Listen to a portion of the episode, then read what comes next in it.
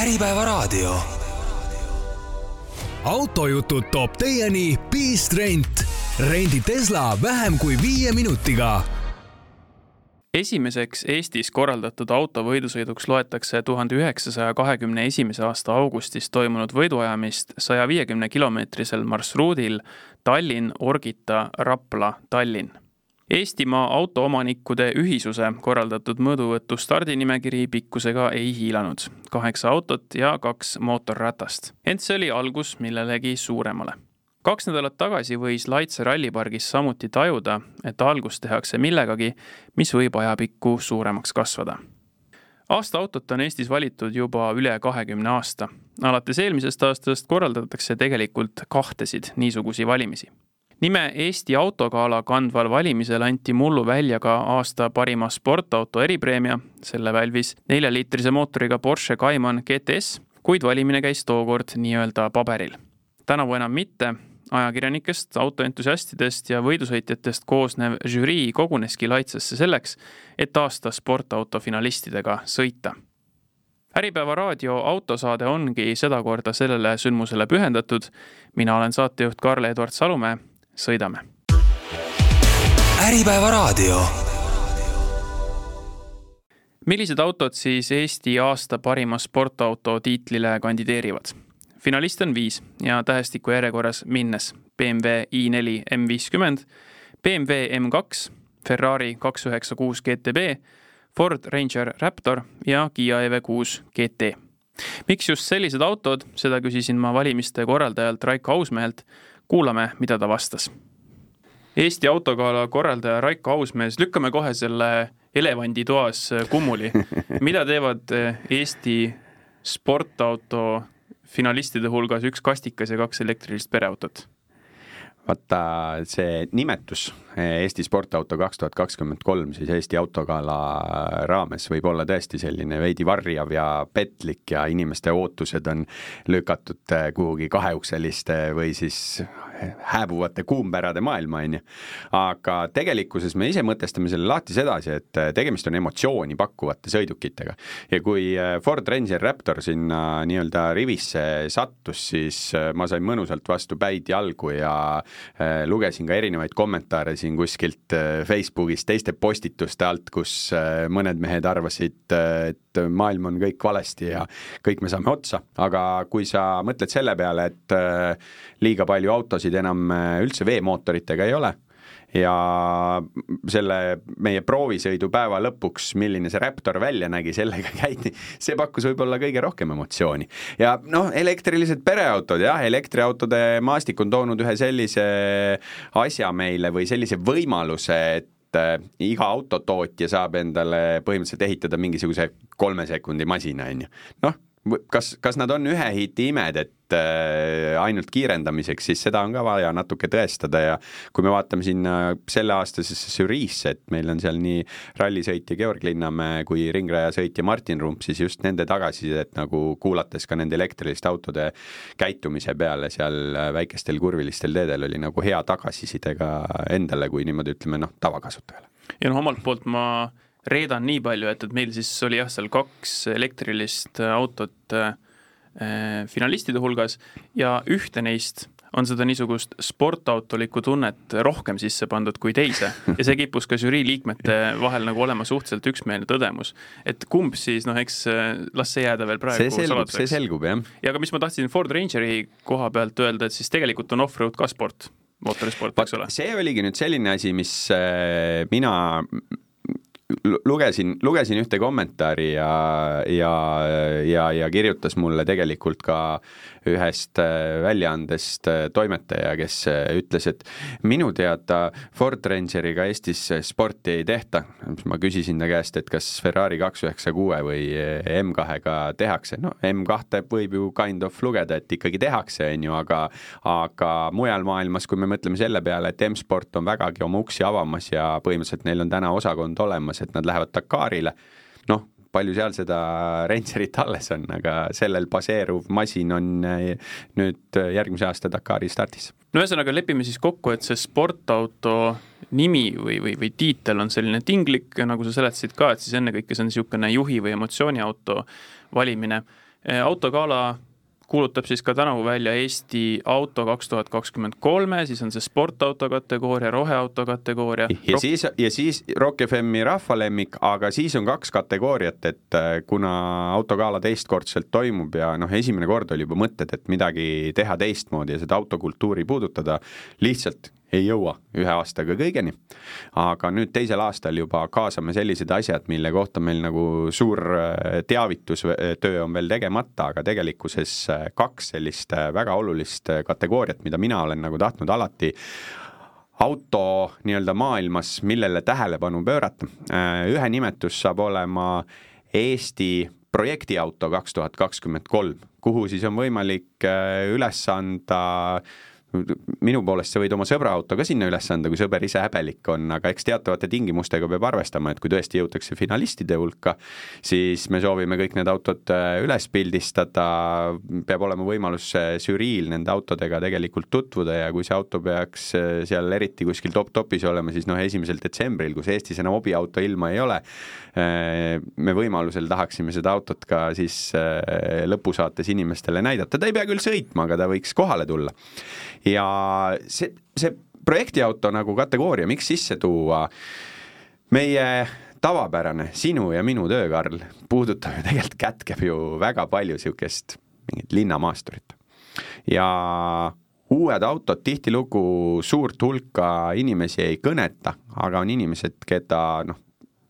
väga autod huvitavad, autondus huvitab, need on autoentusiastid, kellel on endal hobimasinad. Neid on Eestis palju, seda on see suvi erinevatel kogunemistel näha olnud, tase on hea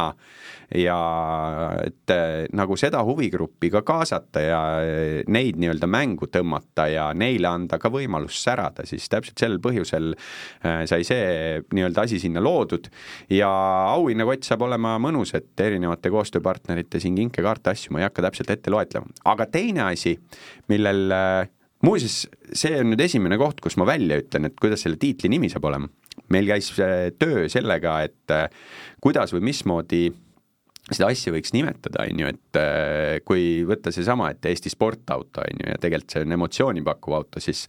äh, tiitli nimetus on üks asi, aga oluline on sisu. ja me jõudsime sellisele järeldusele ja selle hea idee andis tegelikult äh, sõber Margus Kiiver,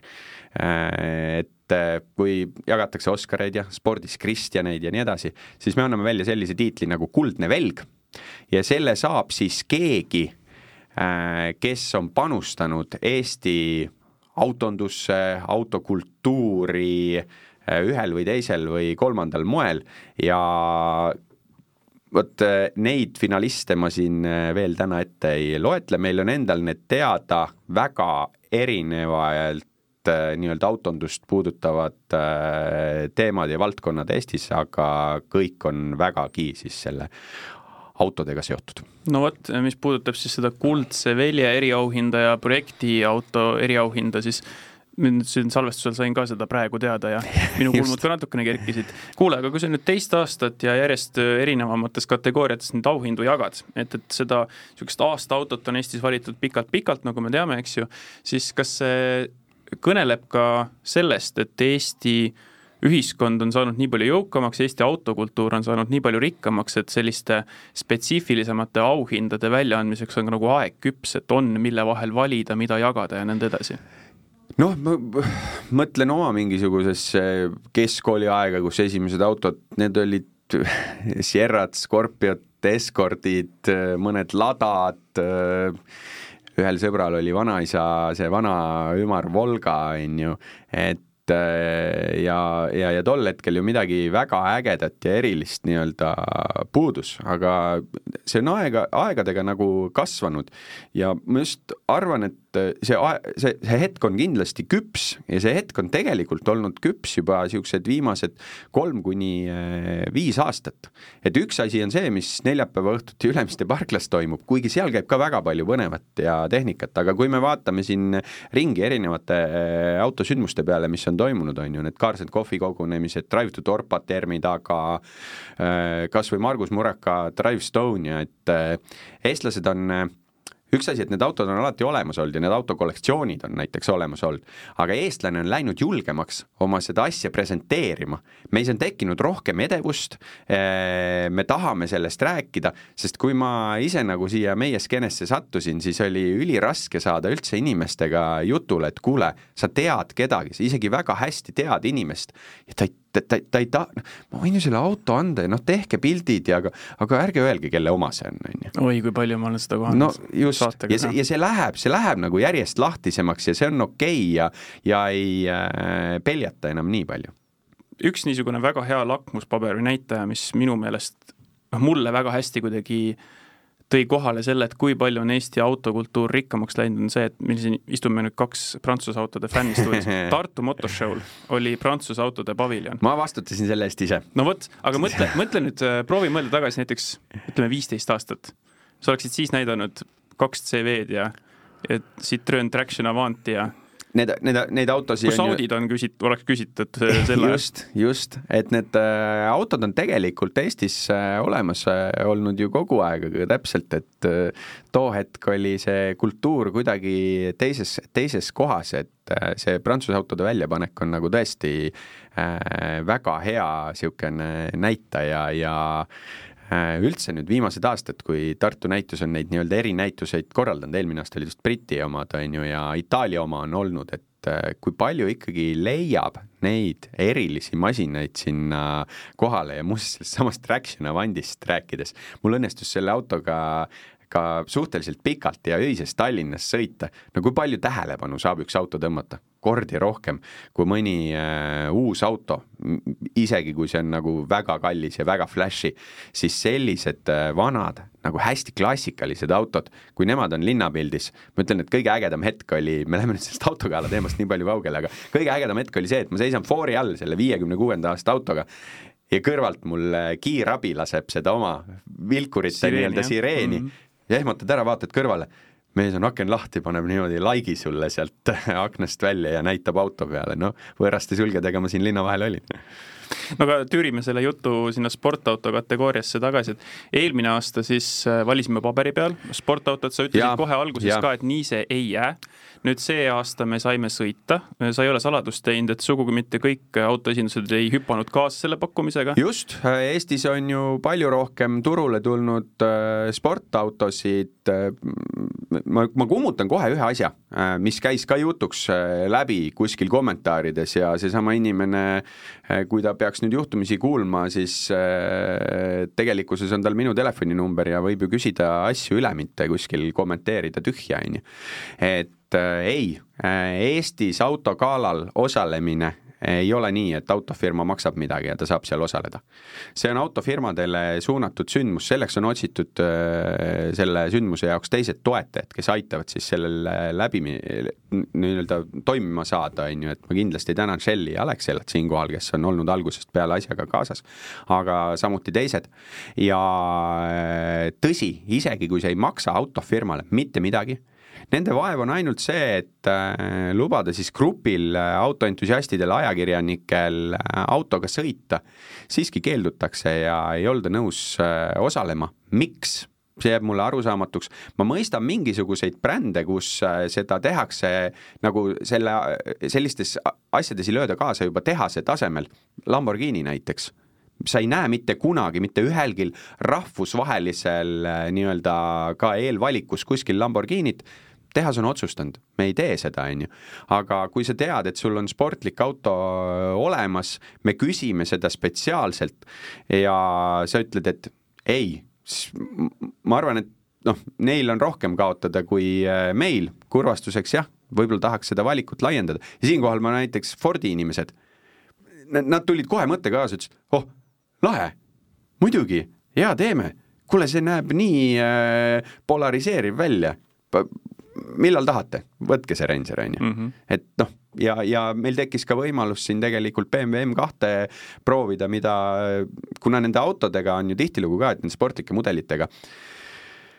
äh,, neid ei saada liiga palju kätte ja, ja need siis äh, proovisõidud on nii-öelda piiratud, on ju siis äh, hea võimalus tegelikult ka sellel äh, huvigrupil nende autodega tutvuda ja seeläbi meil ka inimestele seda emotsiooni edasi rääkida ja suhelda, et millised need masinad siis on. kui isegi meil pruugib teine, noh, puudub teinekord, äh, puududa võimalus nagu, et saaks nendega sõita kaks üheksa kuus, GTB kõige parem näide selle koha pealt. aga ma tahtsin küsida tegelikult seda, et sinu käe all on see asi üksjagu kiiresti arenenud, kogu see sportauto valimine, kõik muud niisugused asjad. mida sa pead tulevikku mõeldes, ma ei tea, näiteks viie aasta taha Eestis realistlikuks ja võimalikuks, et me teame, et suured äh, maailmakuulsad autoajakirjad, eks ju, koguvad kokku kõige eksootilisemad ja ägedamad sportautod ja sportlikud autod, kõik olulisemad mudelid on kohal valikus, käib kõva andmine tüübid lukustavad ennast nende autodega kuskil nädalaks tead mingisugustesse kihvtidesse asjadesse. ilmselt päris midagi niisugust pole Eestis tehtav, aga mida sa ise nagu loodad, et konkreetselt siis sportauto valimisest rääkides, et mis, mis sinu optimismi ja teotahte juures tundub nagu tehtav? Ma arvan, et üks oluline osa oleks siiski, et me tõesti saaksime seda sportauto kategooriat kui sellist ikkagi äh, jätkata ja teda nii-öelda seda eelvalikut ka juba paremaks sättida. Äh, eks äh, seda näitab mõnes mõttes aeg, kuidas sellega siis ollakse jälle nõus kaasa tulema ja, ja, ja millised mudelid meil siin järgnevatel aastatel turule tulevad. aga ma, ma, ma sooviks, et meil tekib ka võimalus selline ringrajasõidupäev korraldada. me, me ei pea seal vajutama viimast nendest autodest välja, aga teatud hetked ja asjad ja mida tahaks nagu äh, just võrdlusesse tuua, ei ole muud moodi võimalikud kui äh, ringrajal lihtsalt see on ilmselt see on nagu äh, parim äh, lahendus ja see, see on ka suund, kuhu ma kindlasti tahan liikuda selle sündmusega. ja teine asi, mm, just õnnestus kolleegidel käia, meil ei ole teatud marke Eestis esindatud, aga näiteks McLaren, kes suhteliselt hästi ennast turundab, Riias on neil esindus olemas, nad mõnes mõttes tegutsevad üle Baltikumi, nad siin tegid ka suvel mingisuguse niisuguse piiratud proovisõidusündmuse, uut seitse viit nulli just esitleti, hiljuti äh, mul kolleegid lihtsalt olid, sattusid samal päeval Riiasse ja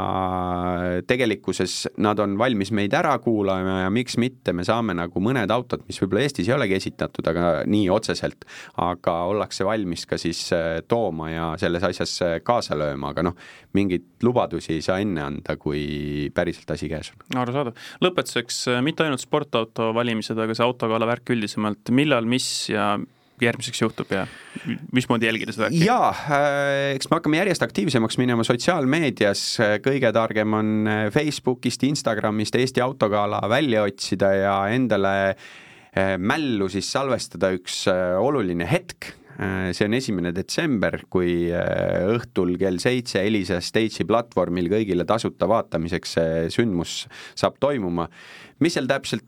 meil on seal mingeid esinemisi, me paneme seal žüriid natuke proovile, me näitame nendest autodest äh, klippe äh,, et et äh, tasub kindlasti vaadata ja ega siis, kui see päev täpselt ei sobi, siis ju jääb see samamoodi järelvaatamiseks igaveseks, et äh, mul on ka hea meel, et päris mitu tuhat vaatamist on aasta jooksul näiteks tulnud autogala eelmisele show'le nii-öelda aasta jooksul äh, peale tiksunud. ei, mul on seda hea kuulata, sest see mäng, mis sa eelmine kord mulle ja Tarmo Tähepõllule korraldasid, meil läks hästi seal juhtumisi. Teil, ma ütlen niimoodi, et me viime need žürii mängud mängud natuke jälle uuele tasemele, et äh, inimestele pakkuda sellist head äh, meelelahutust, see on üks asi, mis mulle meeldib endale väga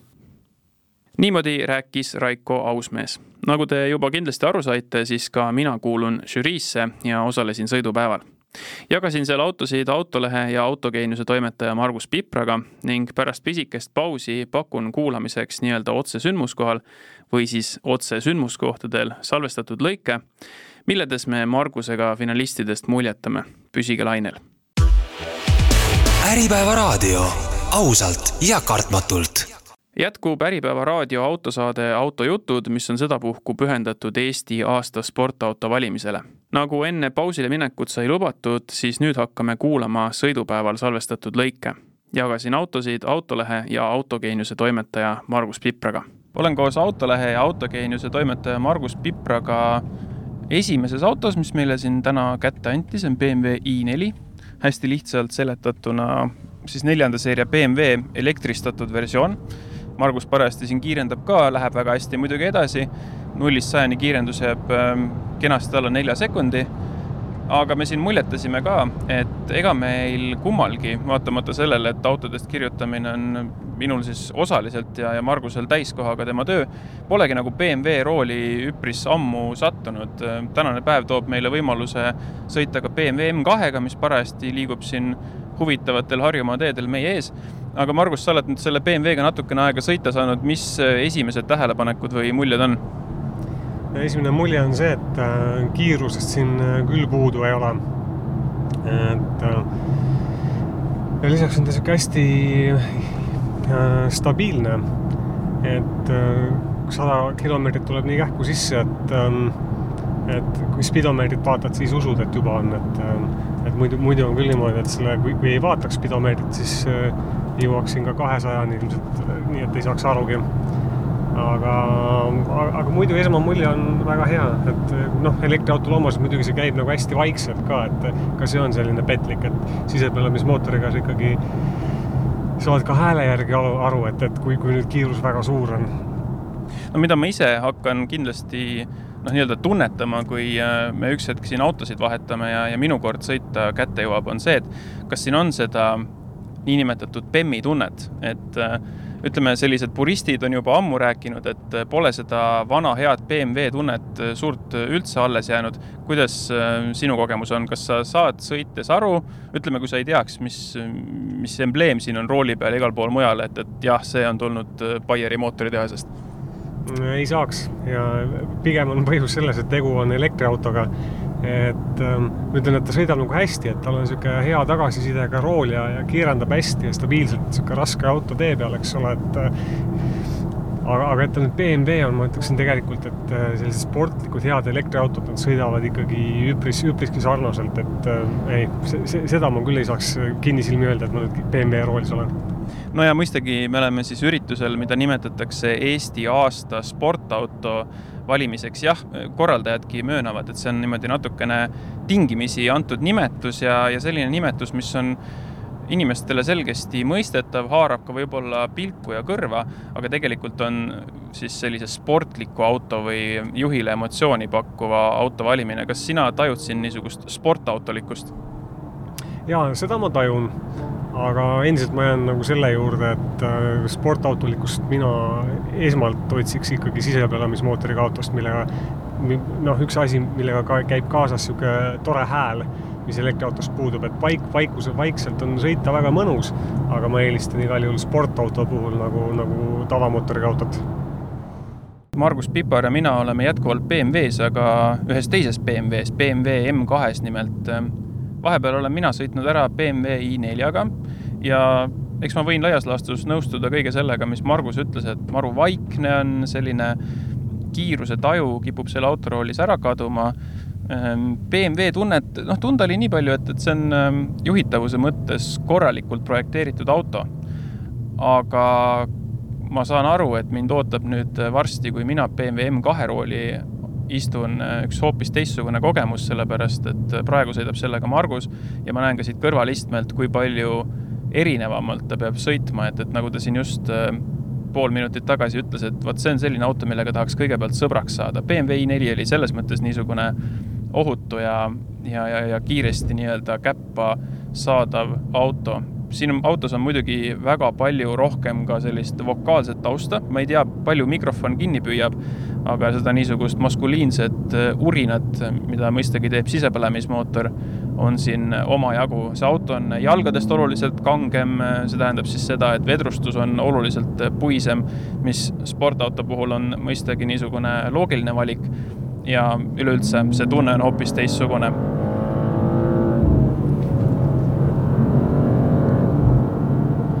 ma loodan, et see helitaust tuleb läbi, sellepärast et ähm, on, mida kuulata ja on ähm, üks niisugune täiendav mõõde siis sellel autosõidul juures. Margus, oled sa päri, et äh, BMW küll, nii nagu eelminegi, aga ikka täitsa teistmoodi? ja, ja need on kaks väga-väga erinevat autot. et äh, M2 on äh, Eestiks tagaveoline, et ta on palju ärevam ja, ja lärmakam ja raputab rohkem ja tund-, sõidub, no küllap see on ka sellest helitaustast kinni, aga ta jätab tegelikult kiirema mulje. et ähm,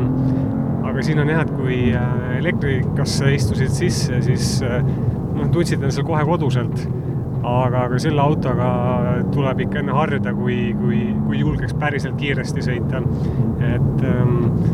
et äh, nõuab natukene ettevaatust see auto, jah võib-olla niisugune autokauge inimene, kes satub seda saadet kuulama, kuulab, et auto lärmab rohkem, ta on äkilisem, et vajab nagu kuidagi ettevaatlikkust ja, ja, ja kõike niisugust. ühesõnaga kõlavad äh, sellise inimese jaoks tõenäoliselt nagu niisugused omadused, mida ei tahaks, et, et see elektri BMW oli igal juhul parem. aga ilmselt äh, sa oled minuga nõus, Margus, et kui ma ütlen, et, et siin sportauto valimisel on äh, kriteeriumid ja, ja nende olulisus natukene erinev ja just nimelt sportauto puhul, sportliku auto puhul, niisugust sõiduemotsiooni pakkuva auto puhul,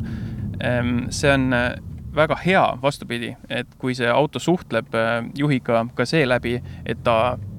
kirjeldab enda iseloomu, nõuab juhilt natukene mingisuguseid täpsemaid niisugusi äh, sõiduvõtteid, annab ka teelt rohkem tagasisidet ja kõike niisugust, et, et just see on see, mis sportauto puhul tegelikult loeb. ja kui me räägime emotsioonidest, siis elektri BMW roolis ma arvan, mu pulss üle saja eriti ei tõusnud, aga, aga, aga selle auto roolis äh, on ikkagi tä tä täiesti teistmoodi, see on äh, suu on kõrvuni ja, ja süda, süda taab kõvasti, et ähm, noh, siin, siin ei ole küsimust ka, et kumma mina ettepoole panen. tõepoolest. taaskord on äh, toimunud autovahetus, me istume Margusega nüüd masinas, mis viiest finalistist oli meie mõlema puhul ainus, mida me olime eelnevalt sõidutanud, eelnevalt proovinud, Kiia EV6 GT. Äripäevaski olen sellest autost äh, kirjutanud, tegu siis äh, Kiia väga popi ja hinnatud elektriauto EV6 sportversiooniga. Ja sporti on siin autos äh, vähemalt kiirenduse mõttes küll ohtrasti, nullist sajani enam-vähem kolm pool sekundit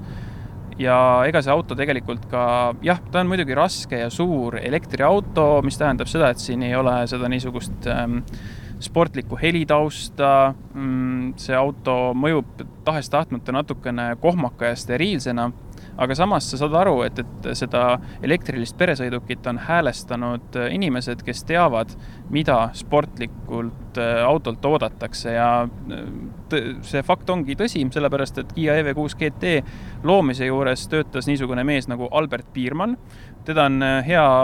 põhjus meenutada siinkohal ja mainida siinkohal ka seepärast, et varasemalt töötas Piirmann seitse aastat BMW M-divisjoni juhina, juhina ja liikus äh, siis äh, Korea brändide Hyundai ja Kiia juurde edasi. aga alustuseks ma tahtsingi rääkida natukene BMW M2-st, sellepärast et mina sain selle autoga vahepeal sõita. ma nägin juba eelnevalt, äh, kui Margus sellega sõitis, kuidas tal lägu läks aina rõõmsamaks, kuidas ka tema sõidustiil muutus järjest niisuguseks uljamaks, muidugi niimoodi mõistlikkuse piires siiski aga ma ei olnud sellele vaatamata päris valmis päris selleks elamuseks, mis mind siis BMW M2 roolis ootas. tõeliselt vägev auto, nagu me siin eelnevalt Margusega arutasime ka, siis BMW i4 ja BMW M2 kahe peale annavad suurepärase kokkuvõtte sellest, mis vahe on sportlikul autol ja sportautol. ei vaja ilmselt nuputamist, et BMW i4 on siis see sportlik auto ja BMW M2 sportauto. üliäge, ülielav ja samas niisugune hammastega auto, mis tähendab siis seda, et ähm, kui sa teda natukene valesti kohtled, teed ise mõne vea, siis võib see auto sind ka hammustada. mitte, et meil oleks midagi juhtunud, lustisime äh, niimoodi mõistlikkuse piires, aga tõdesime ühtemoodi, et, et kui tähtede seis sind ei soosi, siis varem või hiljem võib mingisugune õnnetus ka juhtuda. aga läheme nüüd selle Kiia EV6 GT juurde ja nagu ma mainisin ka, me oleme selle autoga mõlemad sõitnud, päris niimoodi pika nädalavahetuse veetsin mina sellega vähemalt. mulle see auto tõeliselt meeldis. kuidas sina sellesse autosse suhtud? Jah, mulle meeldib see auto ka, et minu meelest on äh, Kiia EV6 tavaversioongi on praegu üks paremaid elektriautosid, mis, äh, mida, mida osta saab. ja see GT on, no ütleme niimoodi, et äh, üli, tõesti ülikiire auto ja et inimesed, kes ähm, noh, varem oli, oli selline kiirus saadaval ikka tõesti ainult superautode puhul et äh, nüüd äh, elektriauto, mis on kusjuures ülilihtsalt nagu igapäevaselt kasutatav, et istu rooli ja sõida nagu tavalise autoga ja selline kiirus, äh, nagu see GT pakub, et väga, väga, väga toredate omaduste, omadustega auto tegelikult. ja see maksab jämedalt niisugune seitsekümmend viis tuhat eurot, mis on ma siis, kui ma Äripäevas sellest autost kirjutasin, tegin niisuguse arvutuskäigu, et see on laias laastus pool Audi RS6 hinda, aga kiirenduse mõttes see auto püsib ilusti Audi RS6-ga samas tempos. jah, loomulikult äh, tippkiirus on Audi RS6-l sootuks kõrgemast klassist, seda saab siis kuskil Saksa autobaani peal näiteks äh, proovida, et kui Audi sinna kolmesaja juurde küündib, siis Kiial äh, tipneb siis suurim kiirus kahesaja kuuekümnega, mis iseenesest elektriauto kohta on samuti taas päris tubli näitaja. me oleme nüüd jõudnud selle Kiiaga ka natukene niisuguste kurvilisemate ja huvitavamate teede peale. Margus Sestap äh, natukene siis ka sirutab selle masina jalgu. Äh, jah, nagu ma ütlesin, eks ta tahes-tahtmata ikkagi niisugune pisut suur auto on, aga oled sa päri selle minu eespool välja öeldud mõttega, et sa saad selle autoga sõites aru, et seda on häälestanud inimesed, kes on varem töötanud sportautodega ja mitte lihtsalt töötanud, vaid ka väga hästi töötanud jah, ma olen nõus ja, ja tegelikult seda on tunda olnud ka varasemate Kiiade juures juba, et, et needsamad BMW osakonna inimesed seal on juures olnud. et kui, kui nüüd tuua nagu võrdlus praegu selle BMW enda elektriautoga, siis äh, kiiruse poolest, sirge kiiruse poolest ei jää Kiia kindlasti alla Äh, ma ütleks, et äkki ta on isegi natukene elavam tegelikult äh, kui BMW, et BMW jättis nagu niisuguse võib-olla liiga turvalise ja niisuguse liiga stabiilse mulje, no ma ütleks liiga, aga, aga, aga, aga jah, niisuguse natukene niisugune igavama mulje. Äh, küll aga ma ütleks, et Kiia te teisest küljest nagu niimoodi rahulikul argisõidul on Kiia võib-olla natukene ebamugavam ja närvilisem et ilmselt on asi ka selles, et või noh, üks põhjus on selles, et tal on jube suured rattad on all ja, ja, ja õhukesed rehvid. et ma ütleks, et BMW oli natukene nagu vedrustuse poolest mugavam ja, ja rahulikum olen täiesti päri selle hinnanguga ka. saame siis näha, kuidas me mõlemad ja kuidas žürii tervikuna neid autosid eh, siis lõppkokkuvõttes hindab ja kas Kiia EV6 platseerub BMW i4-st eespool või jääb siiski BMW ette? nüüd on üks äh, väga eriline moment. Margus äh, on töötanud autoajakirjanduses minu teada, noh, niisugune kakskümmend aastat tuleb vist ikka ära, eks ju. tunnen teda ise ka juba päris ammusest ajast, aga ta ei ole elus Ferrari'ga mitte kordagi sõitnud. ainult, et nüüd on, nüüd ta on sõitnud esimesed äh, meetrid Ferrari kaks üheksa kuus GTB-ga ja loomulikult sul ei ole mingisugust nii-öelda intelligentset muljet ja arvamust sellest autost jõudnud veel kujuneda, aga sageli äh, autoajakirjanikud räägivad sellest, et äh, auto kohta on teatud puhkudel võimalik päris palju ära öelda juba parklast välja sõites ja me siin natukene põgusalt muljetasime ka, me mõlemad äh, ise jagame seda seisukohta. mis sinu esimesed tähelepanekud siis sellest Ferrarist praegu on? esimene tähelepanek on see, et sellega on üllatavalt lihtne hakkama saada et äh, sa istud muidugi teistmoodi, sa istud hästi madalal äh,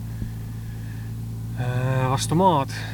ja nähtavus on niisugune suhteliselt kehvakene, aga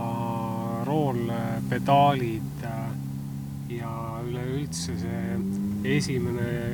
aeglasel kiirusel sõitmine on nagu täiesti, ma ei ütle, et ta tavalise auto moodi on, aga ta on täiesti lihtne. et natuke pelgasin võib-olla, et et tuleb natukene rohkem, rohkem siin äh,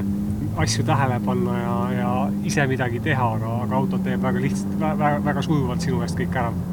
kui oluline see Ferrari'ga sõitmise moment sinu jaoks on, et noh, et ilmselt äh, need niisugused lapselikud emotsioonid on ajakirjaniku tööga nii ehk naa niimoodi ammu juba ära kadunud, aga on see sinu enda jaoks mingisugune maamärk, et nüüd sul on äh, esimene kogemus sellise autoga? jaa, absoluutselt, tänase päeva üks äh, põhi, põhi nagu elevust tekitav koht mul oligi see, miks ma siia väga tulla tahtsin, oligi see, et, äh, et ma saan lõpuks Ferrari'ga sõita. et äh, Porschesid ja Lamborghinisid ja Bentley'd ja Rolls-Royce ja igasugu autosid on proovitud, aga, aga tõesti, täna on siis esimene Ferrari ja noh, kohe läheb lõbusamaks, praegu me sõitsime parklast välja, eks ole, et kohe hakkame, kohe läheb päriselt lõbusaks. ma loodan jah, et, et ka see müdin tuleb siit nüüd läbi natukene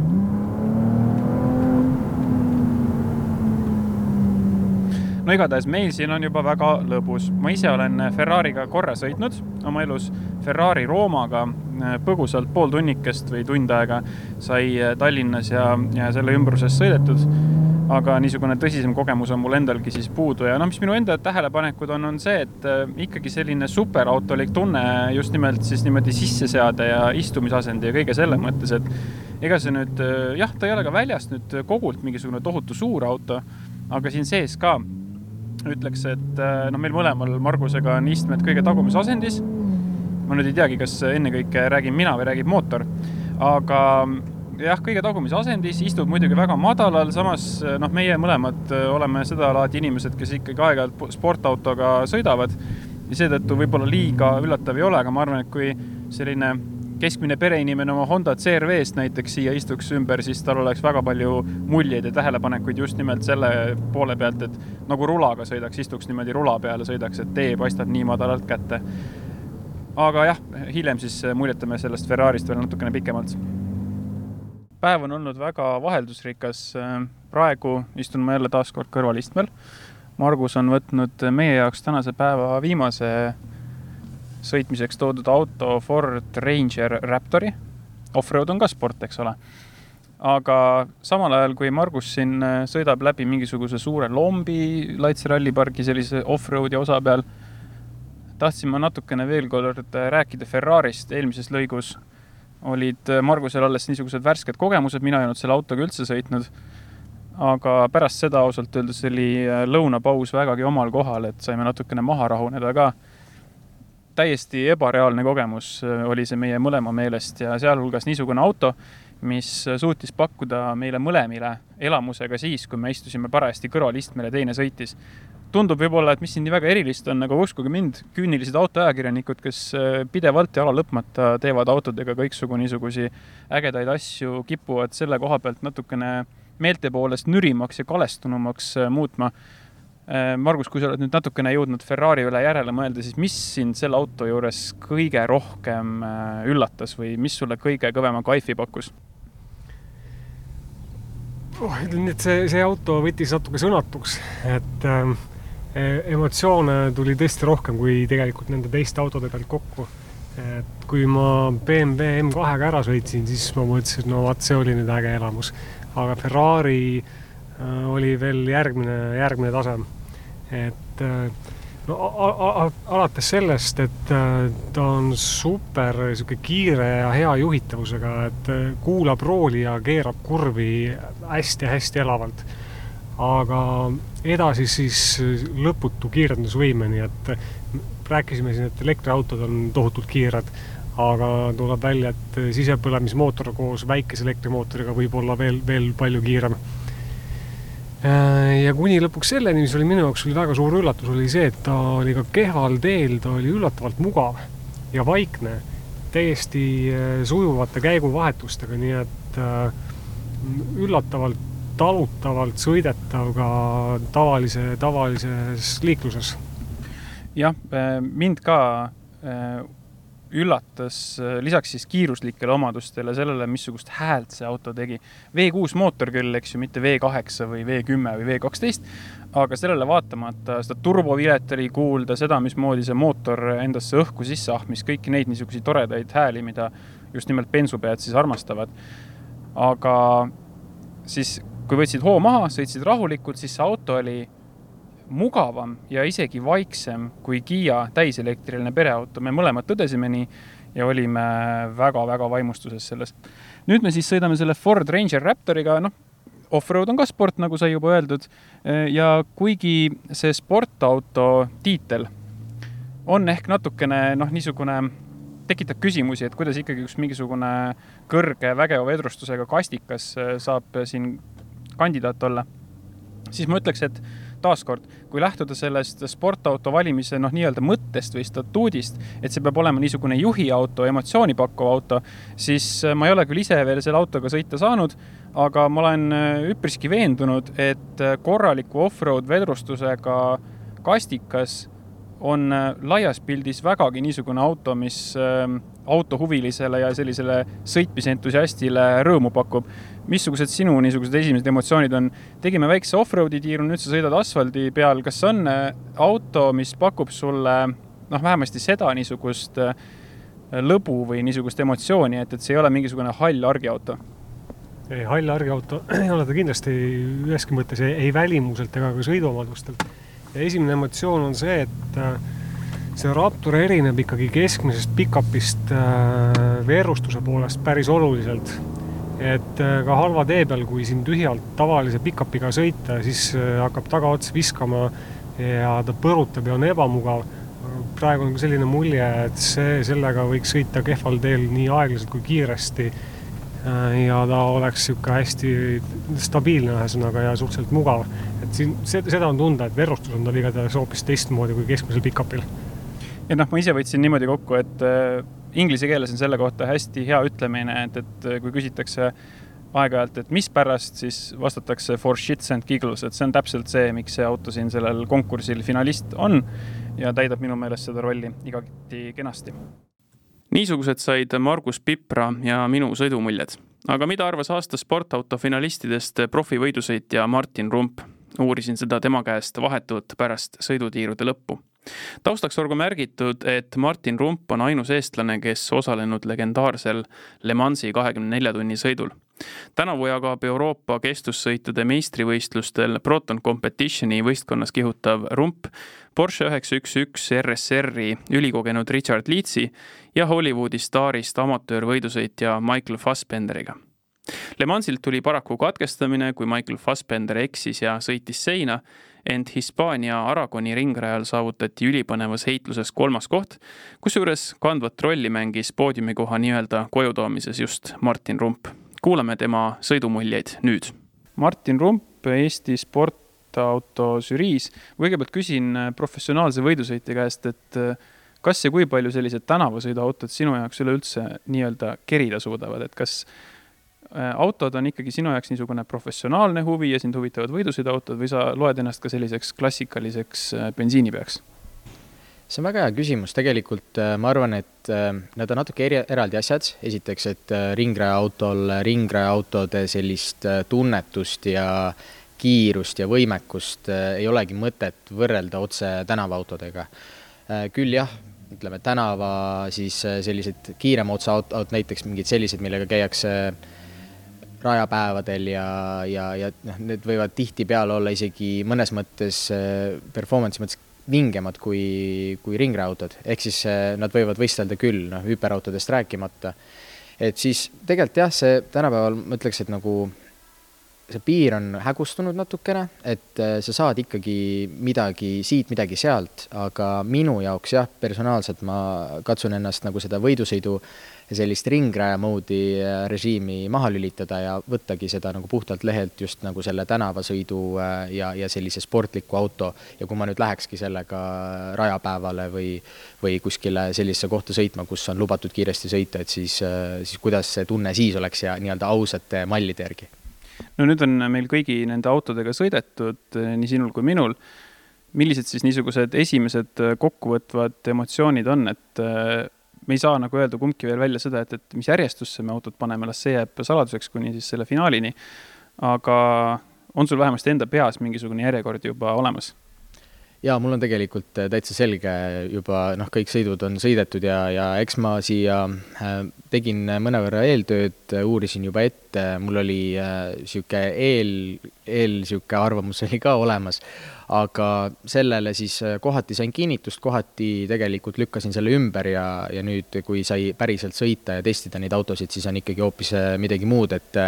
et ei saa seda raamatut ikkagi kaane järgi äh, Äh, hinnata ja, ja tegelikult tuleb, tuleb vaadata ka sissepoole. Ja, ja siin väga hea, meile anti see võimalus, saime proovida, saime proovida erinevatel teedel, saime täpselt selle, just selle emotsiooni kätte, millest juttu oli ja, ja mis tegelikult ongi see kõige olulisem osa sellisel vingemal autol või sportlikumal autol, et, et see emotsioon tuleks sealt välja ja et see emotsioon oleks päriselt niimoodi äh, sealt kättesaadav, et ei oleks see selline mingi teoreetiline jutt, et ah, et, et auto on nii kiire või naa kiire või, või et,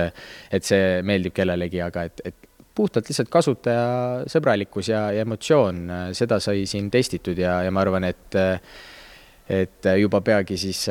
saame näha, kuidas need teiste žürii liikmete vahel need hinnangud kokku liituvad no ma nii palju reedan, et äh, olles siin omavahel suhelnud, siis inimeste mõtted tunduvad suhteliselt sarnased olevat, mis ei ole ju tegelikult mõnes mõttes halb. see näitab seda, et see žürii on ikkagi piisavalt profes-, professionaalne, et kõigil on äh, sellised ühesugused tähelepanekud ja me mõistame asju enam-vähem ühtemoodi. aga äh, kui sa mainisid siin, et igapäevaselt kasutatav või tänavaselt auto juures on kasutajasõbralikkus oluline ja nii edasi, siis